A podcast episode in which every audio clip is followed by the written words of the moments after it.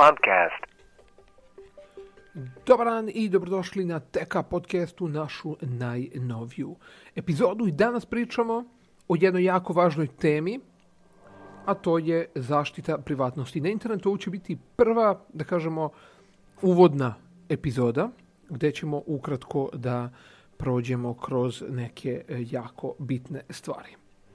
Šta znači zaštita privatnosti na internetu? To je naravno da pazite šta od svojih ličnih podataka otkrivate na internetu. Ali zašto? Svaki lični podatak, naravno, koji e, vi ostavite na internetu, može se e, povezati sa vama i verovatno ste čuli taj izraz, e, ulazi u vaš digitalni otisak. Znači, svi podaci koje ostavljate, počevo od imena, prezimena, adrese, škole koje pohađate, radnog mesta gde radite, vaše interesovanje, fotografije, naravno video zapisi, razni komentari na, na raznim sajtovima, blogovima i tako dalje. Znači sve to ulazi u vaš digitalni e, otisak, odnosno digitalni tragaj, da kažemo, u tom digitalnom svetu. I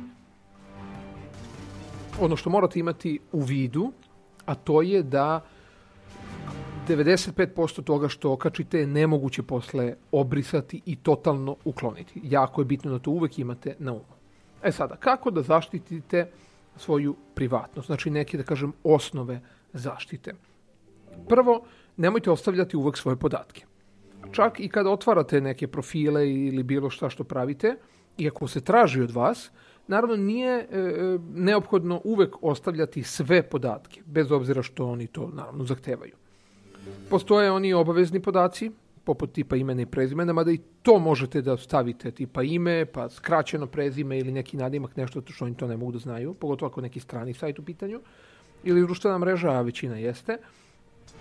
A pogotovo broj telefona svoj, kućni, mobilni, adresa stanovanja, ni po tačkom razno, škola, posao, znači bilo šta od toga nikako ne ostavljati, jer to definitivno nisu podaci koji su im neophodni kažem, Facebook je tu uradio jednu posebnu stvar svoje vremeno kad se pojavio, čini mi 2007. 8. godine, kad je to krenulo sve.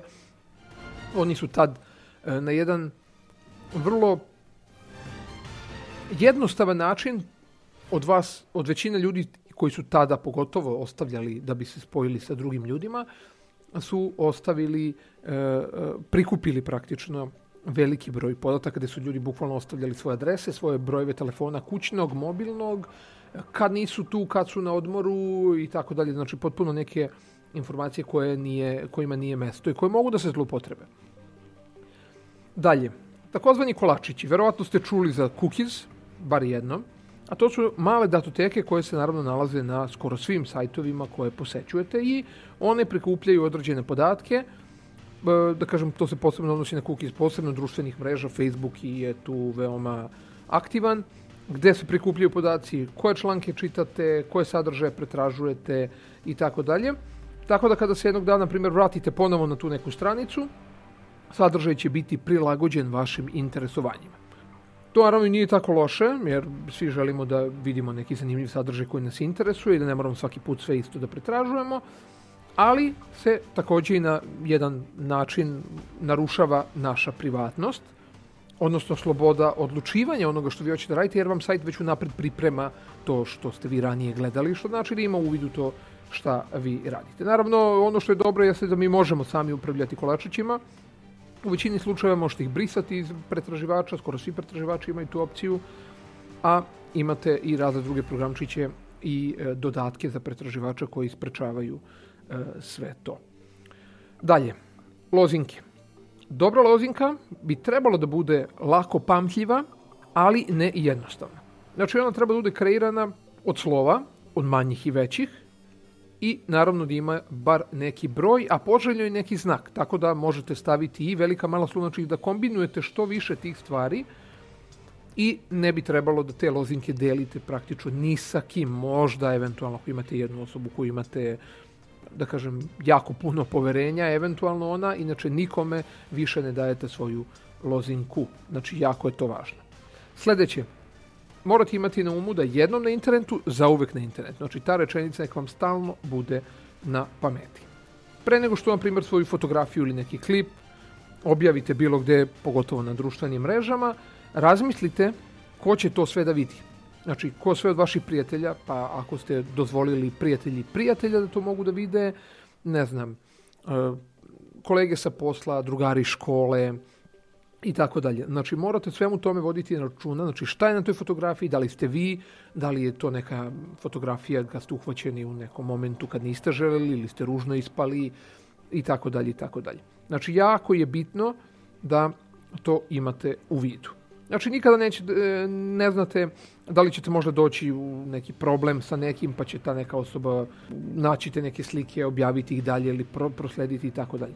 Tako da Takođe, ako vama neko od prijatelja pošalje neke svoje sadržaje, nemojte naravno, kažem, narušavati njihovu privatnost, takođe to imajte na umu.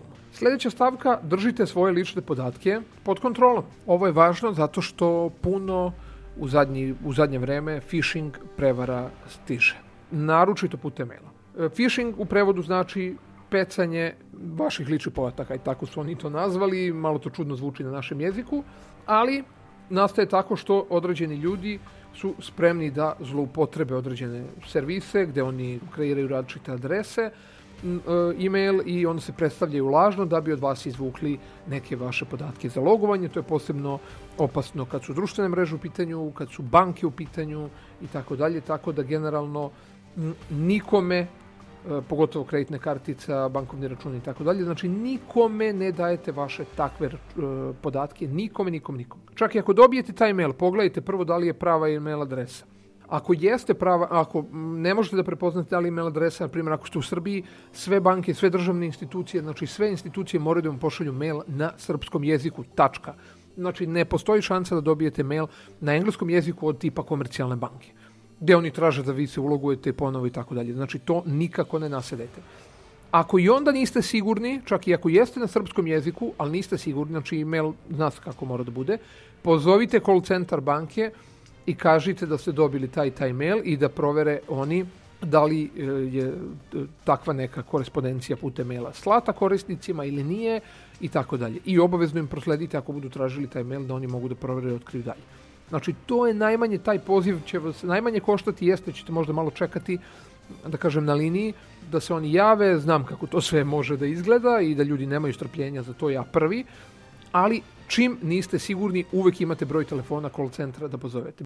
Takođe bi trebalo povremeno da proverite, kada ste kod kuće, da obratite pažnju da li se neko kači na vaš kućni internet, naročito na Wi-Fi, odnosno bežeći internet, tako da možete s vremena na vreme da pogledate uh, ako znate da se konektujete preko vašeg pretraživača na vaš router, čisto da proverite neke IP adrese i naravno obavezno uvek, uvek, uvek stavljajte lozinku, takođe ne previše jednostavnu, na vaš kućin. To se podrazumeva da kažem, ali je bitno da naglasimo što se tog dela tiče. Može, na primjer, ako živite negde niže, nekim nižnim spratovima mogu da ljudi budu negde ispod vas ili ako ima prolaz neki za pešake ili trotoari i tako dalje, mogu ljudi da, da kažem, dođu i da uhvate vaš nezaštićeni Wi-Fi signal i to da koriste i tako dalje. Znači, to uvek imajte lozinku. To se podrazumeva, ali čisto kažemo.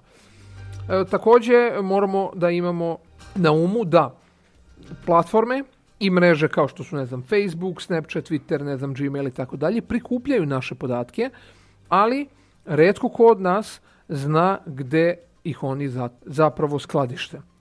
Iz tog razloga, prilikom pristupa nekoj drugoj društvenoj mreži, obavezno pročitajte uslove i pravila korišćenja. Znači, to je jako važno.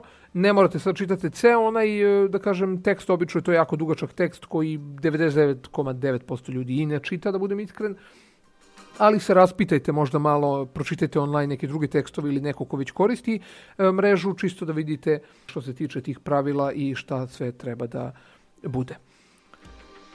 I sledeća stavka takođe jako važna, e, takozvani privacy settings, znači skoro sve društvene mreže, to se posebno odnosi na društvene mreže, imaju privacy settings, gde mi možemo praktično da odaberemo kako i kome mogu da se prikazuju naši sadržaji. Određene sadržaje naravno možemo da ograničimo i da ih određene osobe ne vide, a samim tim niko nepoznat ne može da preuzme vašu sliku, ne znam, video ili ostale podatke. To se posebno odnosi znači, na Facebook, prilično veliku sekciju eh, privacy settingsa.